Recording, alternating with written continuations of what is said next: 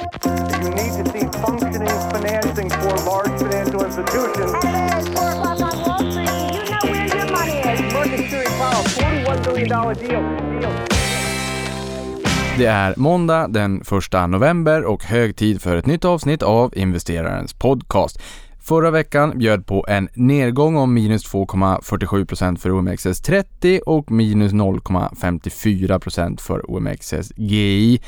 Så att lite bättre på Stockholmsbörsens breda index inklusive återinvesterad utdelning. Nu ser vi också att det kommer börja trilla in en del bankutdelningar i och med att man hängde på låset där äh, när Finansinspektionens re rekommendation löpte ut då här äh, i slutet på september. Nu ska vi kallas till extra stämmor för att besluta och klubba om ett utdelningsregn från banksektorn. Och dessutom i fredags, det vi också gjorde var att vi stängde böckerna för oktober eller det man ibland brukar kalla för skräck oktober. Med glimten i ögat förvisso. Men den här månaden, eller förra då, oktober, brukar ju kunna vara lite stök. Eller det är ju det ryktet som månaden har omkring sig. Och månaden har ofta bjudit på sättningar, korrektioner eller björnmarknader som antingen börjar eller slutar i oktober. Men här blev det ju en rätt trevlig månad får man ju faktiskt säga. Den bästa oktobermånaden sedan 2015 och den tredje bästa börsmånaden i år. Så september blev den första negativa månaden efter 10 positiva månader i rad och sen så kom vi tillbaka med besked i oktober. OMXS30 bottnade den 6 oktober och OMXS-GI bottnade den 12 oktober och sen dess vi upp en 8% så att det har ju varit en, en traditionell årsavkastning som man brukar prata om, 7-8 där någonstans, som vi har sett från den här lägsta nivån. Jag menar, vi gick in i rapportsäsongen med ett nedställ på aktier, med lägre värderingar, med lägre förväntningar och även om det var så att börsen inte föll jättemycket i september, vi var ner 6 och nedgången började ju fa faktiskt redan i augusti. Även om månaden klarade att stängas i positivt territorium, men nedgången började faktiskt redan i augusti. Och där såg vi att den genomsnittliga nedgången på Stockholmsbörsen bland samtliga aktier då var en bit över 20 när, det, när jag kollade senast när det var ungefär som, eh, som eh, värst då helt enkelt. Så att många bolag var ner ändå ganska mycket. Och när rapportsäsongen sen drog igång så tycker jag i alla fall att vi har blivit glatt överraskade på, på många håll. Även om alla utmaningar som vi ofta pratar om det är eh, komponentbrist, det är halvledare, det är energipriser, det är stålpriser, det är fraktrater, det är personalbrist och det är stigande löner och det är inflationen och mm, det är producentprisindex och alla möjliga saker som vi oroas över. Eh, och som har en koppling då till, till återstarten av global ekonomi. Men någonstans verkar man ändå ha kunnat navigera igenom det här och många bolag har också lyckats skjuta eventuella prishöjningar vidare till konsumenterna. Vissa har absorberat det i själva då så att säga med, med vikande marginaler som följd. Men det känns som att dels att rapporterna har varit väldigt bra och, och, men även att marknaden vågar se bortom det här kvartalet utan se vad som komma skall då helt enkelt. Och tittar vi på USA så var det den bästa månaden sedan november i fjol för S&P 500 med en uppgång på 6,9%. Så det blev ändå rätt bra drag i, i slutändan. Men förvisso tittar vi i USA så har vi haft en del rapporter som kanske var av lite svagare natur. En sån var Amazon, en annan var Apple där Tim Cook nu också menar på att eh, halvledarbristen börjar bli väldigt jobbig och kostade bolaget 6 miljarder dollar i, i förlorade intäkter här under kvartalet och menar att nästa kvartal kan bli ännu sämre innan det blir bättre. Men eh, marknaden eh, överlag orkade överrösta, alltså rapporterna som kom in generellt orkade då överrösta de här rapportmissarna från giganterna Amazon och, och Apple. Och dessutom då varn, bolagens varningsfingrar kring inflation och flaskhalsproblematik. Så att ett eh, eh, hyfsat positivt tolkningsföreträde får man väl ändå säga. Och jag tror ingen har missat att vi befinner oss i fjärde kvartalet och en intressant spaning här att det blir det sjätte sjätte kvartalet i rad där vinstestimaten för bolagen revideras upp under kvartalets första månad och det här är den längsta streaken sedan Factset började mäta det här 2002. Eh, vän av ordning kommer också då ihåg att 10 oktober 2002 så bottnade IT-kraschen. Där var det ett fantastiskt köpläge, men det är en annan historia. Däremot så kan man väl säga att den upprevideringen vi nu har sett här eh, i det här innevarande kvartalet är den minsta upprevideringen under de här sex kvartalen också. Så det är väl lite lök på laxen får man väl säga. I fredags noterades också Volvo Cars, det här enorma hangarfartyget som släpptes ut på Börsbukten. Ingen liten jolle, ett jättestort bolag som kom till börsen väldigt, väldigt, väldigt emotsedd också. Nu stänger vi ju någonstans cirkeln. Volvo börsnoterades 1935 efter att man hade avknoppat och särnoterat bolaget från SKF och sen huserade det på börsen fram till då 99 när man sålde iväg Volvo Cars till Ford Motors i USA och sen vidare då till Geely 2010 och nu sluts ju cirkeln när de kommer tillbaka. Så vi har ju både Volvo Group då med lastbilar, eh, bussar, eh, båtmotorer via Volvo Penta och anläggningsmaskiner och sen så har vi då Volvo Cars också där du även då indirekt får ett ägande i bland annat eh, Polestar som går ihop med Gors Guggenheim, den här spacken i USA då. Så du får följa med på en elektrifieringsresa.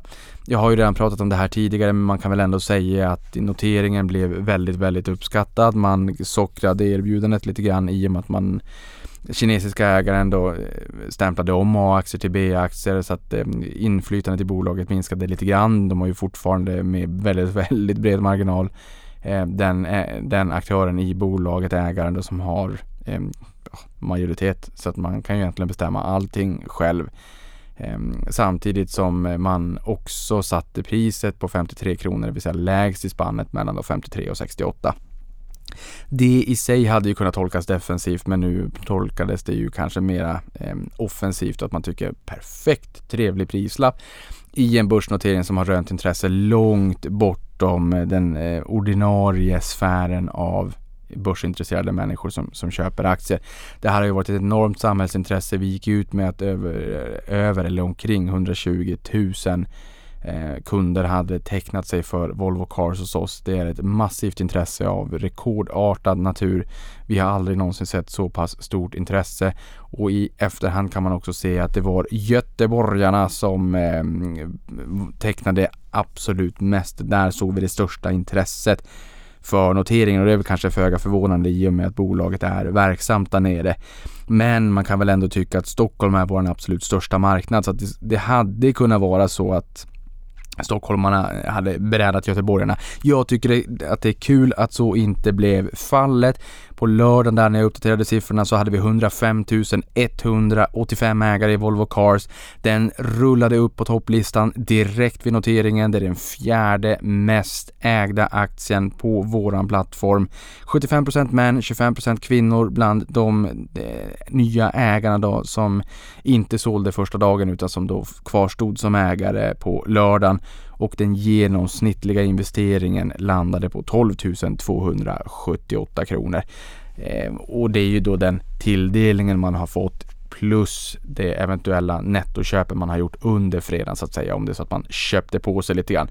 Så jätteroligt att Volvo Cars nu har kommit till börsen. Nu får man följa deras elektrifieringsresa och det här är ju en av de viktigaste näringarna i Sverige, alltså fordonsindustrin och det är en jätteviktig exportkategori. Så att det är ju trevligt för oss alldeles oavsett om man har investerat i Volvo Cars eller inte att det går bra för dem framåt. Undrar du om det är så att jag har tecknat så är svaret nej därför att det är alltid avancianerna först så det spelar liksom ingen roll eh, att försöka teckna för man får ändå aldrig tilldelning. Däremot så hoppas vi att kunderna får tilldelning naturligtvis. Någonting annat under veckan är ju att Microsoft passerade Apple och blev världens största börsbolag, världens mest värdefulla börsbolag för första gången på 16 månader. Och i samband med det här då så har ju Microsoft ett börsvärde på 2490 miljarder dollar eller 2,49 biljoner dollar om man så säger.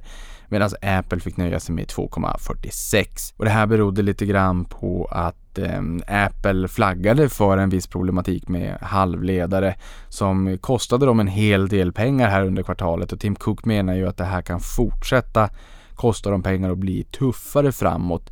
Ehm, men det var ändå en trevlig rapport och jag lyssnade på en intervju med Tim Cook också där han sa att ehm, efterfrågan bland kunderna är jättehög.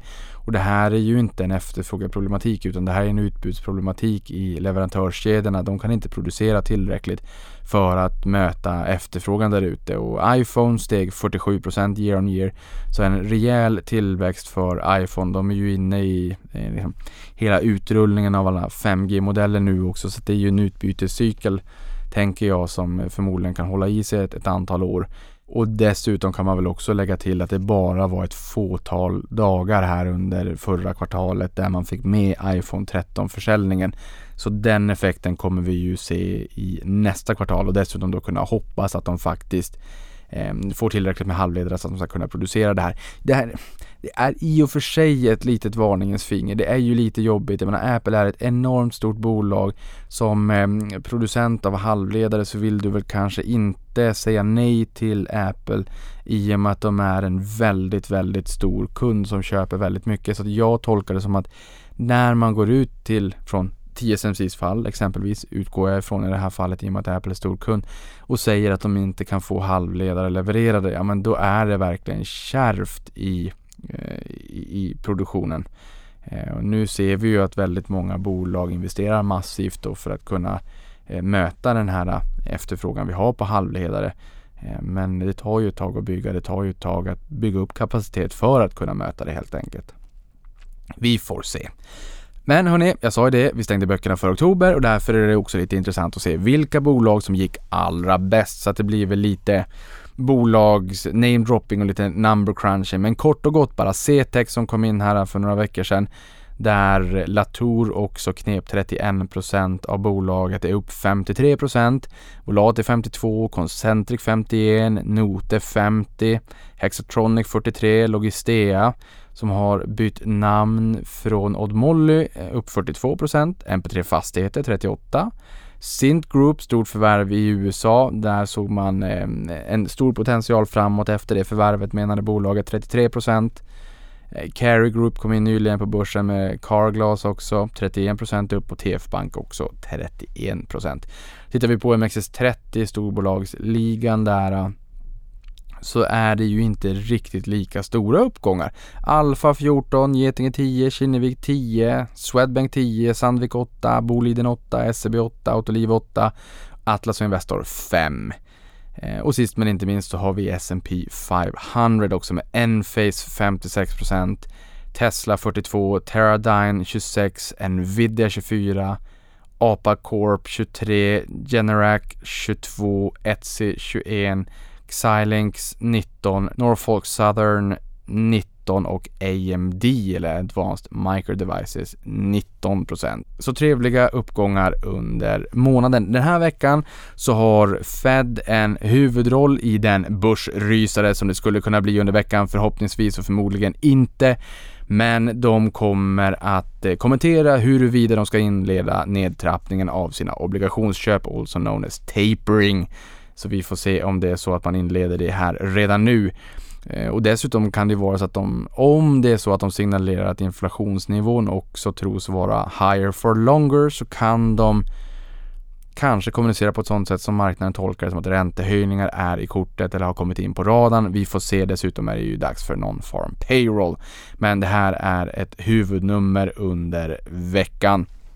Vi har dessutom ett stort bolag som har noterats i USA som lite grann har flugit under radarn och det är också på temat halvledare. Det har ju varit ett, ett, ett väldigt mycket halvledartema under veckan. I förra avsnittet så eh, pratade vi om molnbolag och där tror jag inte heller att du missade att vi pratade både om eh, Google eller Alphabets rapport men lika så Microsofts rapport där molndelarna, molndivisionerna växer fortsatt väldigt, väldigt starkt. Det är en stark tillväxt.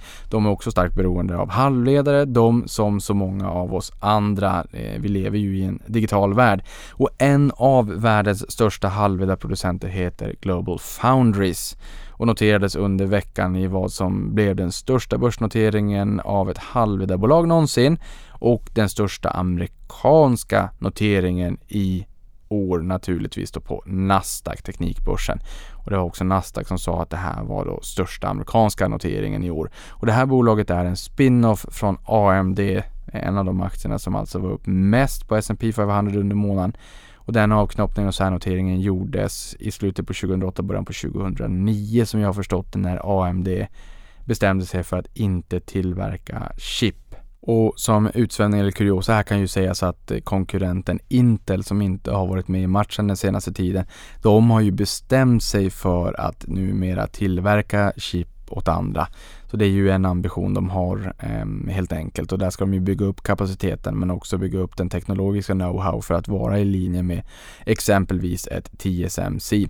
Den här aktien noterades högt i prisintervallet men sjönk 5% i debuten för att därefter stänga på minus 1,3% ner. Och det här bolaget är en av få tillverkare globalt. Det finns inte jättemånga tillverkare av halvledare globalt.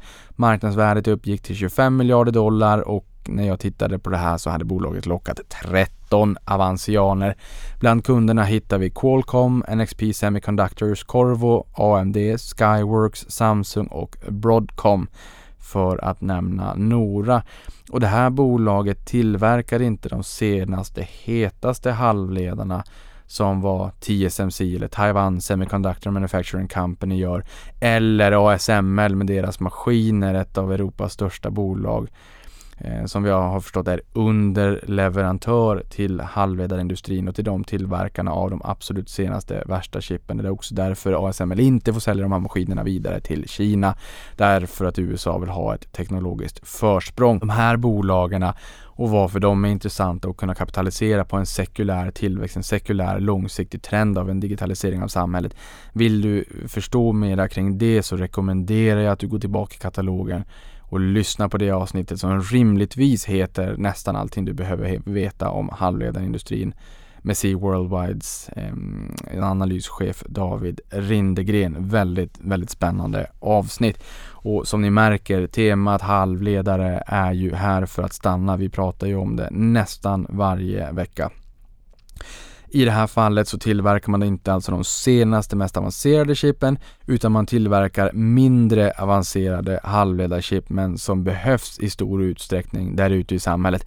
Och det är ju också den typen av chip, alltså mindre avancerade dito som man har brist av i exempelvis fordonsindustrin och som gör att många producenter inte kan tillverka utan får stänga produktionslinjer eller pausa dem så att säga och personalen får göra annat ett tag. Det här är ju en utmaning. Här säger också bolagets VD att de har sålt slut på sina halvledare ända fram till slutet på 2023 men det här är också en fråga som politiker runt om i världen adresserar och där man skjuter till kapital för att se nya investeringar eh, även direktinvesteringar då bland utländska bolag eh, i Europa, i USA med mera i och med att eh, den här halvledarbristen är nog ingenting som vi eh, hemskt gärna vill återuppleva igen utan faktiskt försöka bygga bort även om det då tar tid.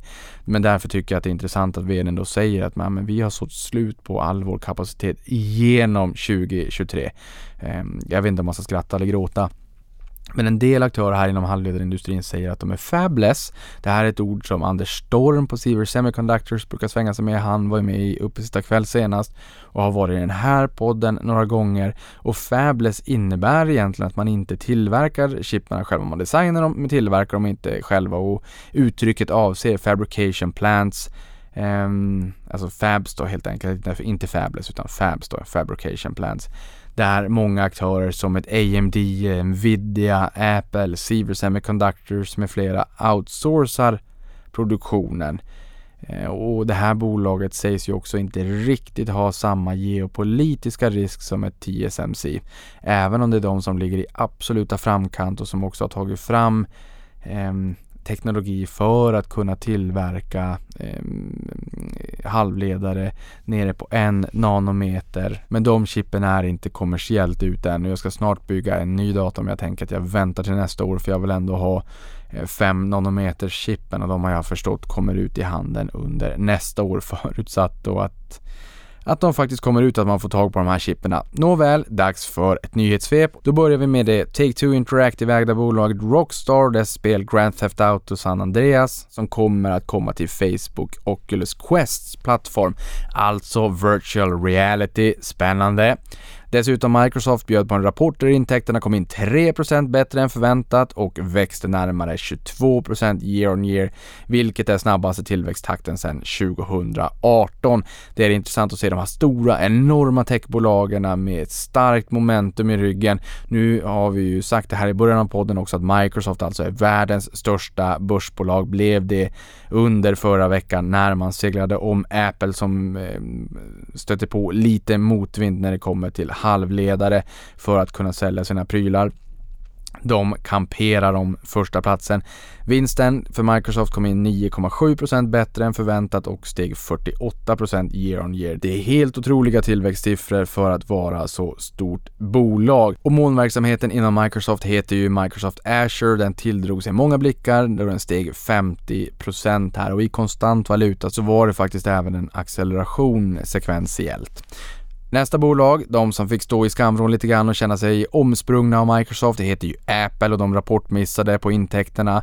Samtidigt som bolagets VD Tim Cook, alltså som jag sa, eh, pekade på flaskhalsproblematiken i försörjningskedjor och sa att det här kostade 6 miljarder dollar, jättemycket pengar. Men oaktat estimatmissen så steg intäkterna 29% year on year och eh, även om bolaget inte har gett någon guidance sedan pandemins utbrott så menade Cook att han förväntar sig en solid intäktstillväxt år över år kommande kvartal trots den här tuffare risken för flaskhalsar framåt. Um, och sen har vi Spotify som bjöd på en rapport där intäkterna landade på 2,5 miljarder euro jämfört med 2,4 miljarder förväntat. Rörelseresultatet landade på 75 miljoner euro jämfört med minus 24,9 miljoner euro förväntat. Bolaget hade 381 miljoner MAUs, eller Monthly Active Users, under kvartalet och av de här så var det 172 miljoner betalande kunder. Asien menar man var en tillväxtmotor med 16 miljoner nya användare under kvartalet där Sydkorea, Pakistan, Bangladesh, Indonesien och Filippinerna överträffade målen. Och intäkten per användare var 4,34 euro jämfört med 4,25 förväntat. Och här menar faktiskt bolagets VD då Daniel Ek att poddsatsningen har varit en viktig drivkraft för rapporten eller rapportens trevliga siffror om man så säger. Och han har också sagt att vi har passerat Apple som störst på poddar i USA så för mig återstår väl bara att säga grattis, kul! Vidare har vi världens största kapitalförvaltare Blackrock och VD Larry Fink som menar att morgondagens unicorns, alltså bolag med ett värde på minst en miljard dollar, kommer att återfinnas inom climate tech, såsom bolag inom grön vätgas, grönt jordbruk samt grönt stål och cement. Och han menar att klimatomställningen är en affärsmöjlighet eftersom i princip varenda bransch kommer att behöva förnya sig själv. Och det är det här jag också tycker är väldigt intressant att försöka hitta vinnarna på omställningen som har en enorm megatrend i ryggen. Hittar man de vinnarna så inser man att det, det, kan bli väldigt, väldigt bra och det är det jag tycker gör det hela spännande. Sen är det klart svårt att veta vilka som kommer vara vinnare på omställningen. Men man får försöka göra sin hemläxa och försöka hitta de här bolagen. Det är ju lite grann en del av skärmen också kan jag tycka. Sen har vi fintechbolaget Rocker som ställde in sin notering på fredagsmorgonen bara timmar före den planerade handelsstarten. Enligt bolagets ordförande Dennis Alsen ansåg ägarna att en notering inte var rätt väg i det här skedet, skrev DI Digital. Citat, finansieringen för en fortsatt resa i en privat miljö var det mest värdeskapande alternativet just nu. Slutcitat. Intressant. Någonting har ju uppenbarligen hänt när man väljer att dra tillbaka noteringen bara timmar innan handelsstarten.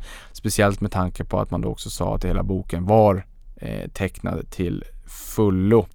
Intressant. Nåväl, vi har väldigt många noteringar så att det är väl klart att det ska finnas undantag också. Här idag möttes vi av besked av att Evolutions VD Martin Karlesund har fyllt på kassavalvet med lite fler aktier. Totalt köptes 17 776 aktier i bolaget via Opum för 1406 kronor och 39 öre vilket alltså motsvarar 25 miljoner kronor. En fantastiskt stor summa, men i hans portfölj och ekonomi en fantastiskt liten summa.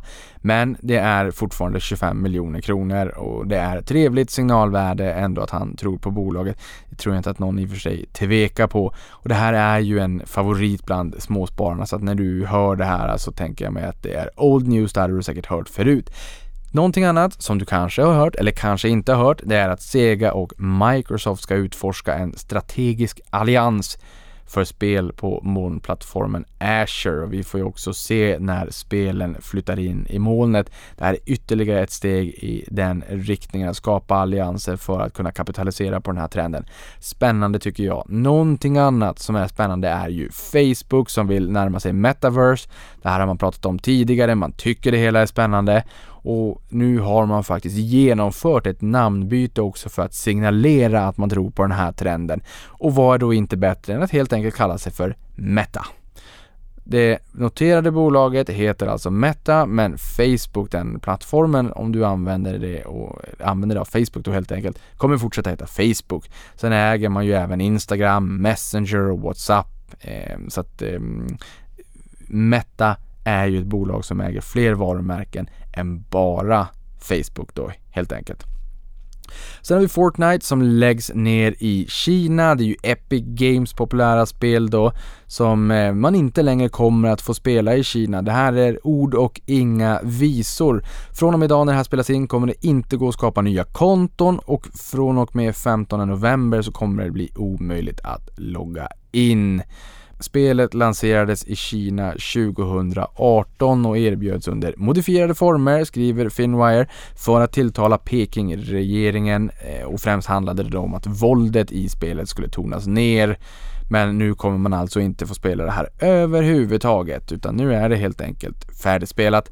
En annan intressant spaning här, äh, det är att Amazon har offentliggjort att de äger 20% av elbilstillverkaren Rivian Automotive Investeringens värde ska uppgå till 3,8 miljarder dollar enligt CNBC vilket motsvarar 32,7 miljarder kronor. Och det här bolaget väntas gå till börsen i november och Amazon har dessutom beställt 100 000 eldrivna skåpbilar från bolaget här fram till 2030. Det här är ju också en fråga som jag ställde till Volvo Cars strategichef här inför noteringen i en intervju som jag gjorde.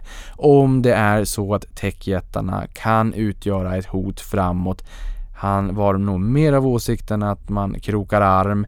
När jag var på en investerarresa i Silicon Valley, där jag sagt förut, så tyckte Volvo Group åtminstone att Amazon förmodligen var det tuffaste hotet långsiktigt framåt.